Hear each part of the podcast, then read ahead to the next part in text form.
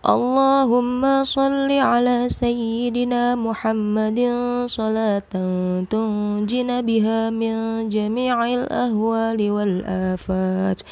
وتقضي لنا بها جميع الحاجات وتطهرنا بها من جميع السيئات وترفعنا بها عندك أعلى الدرجات وتبلغنا بها أقصى الغايات من جميع الخيرات في الحياة وبعد الممات.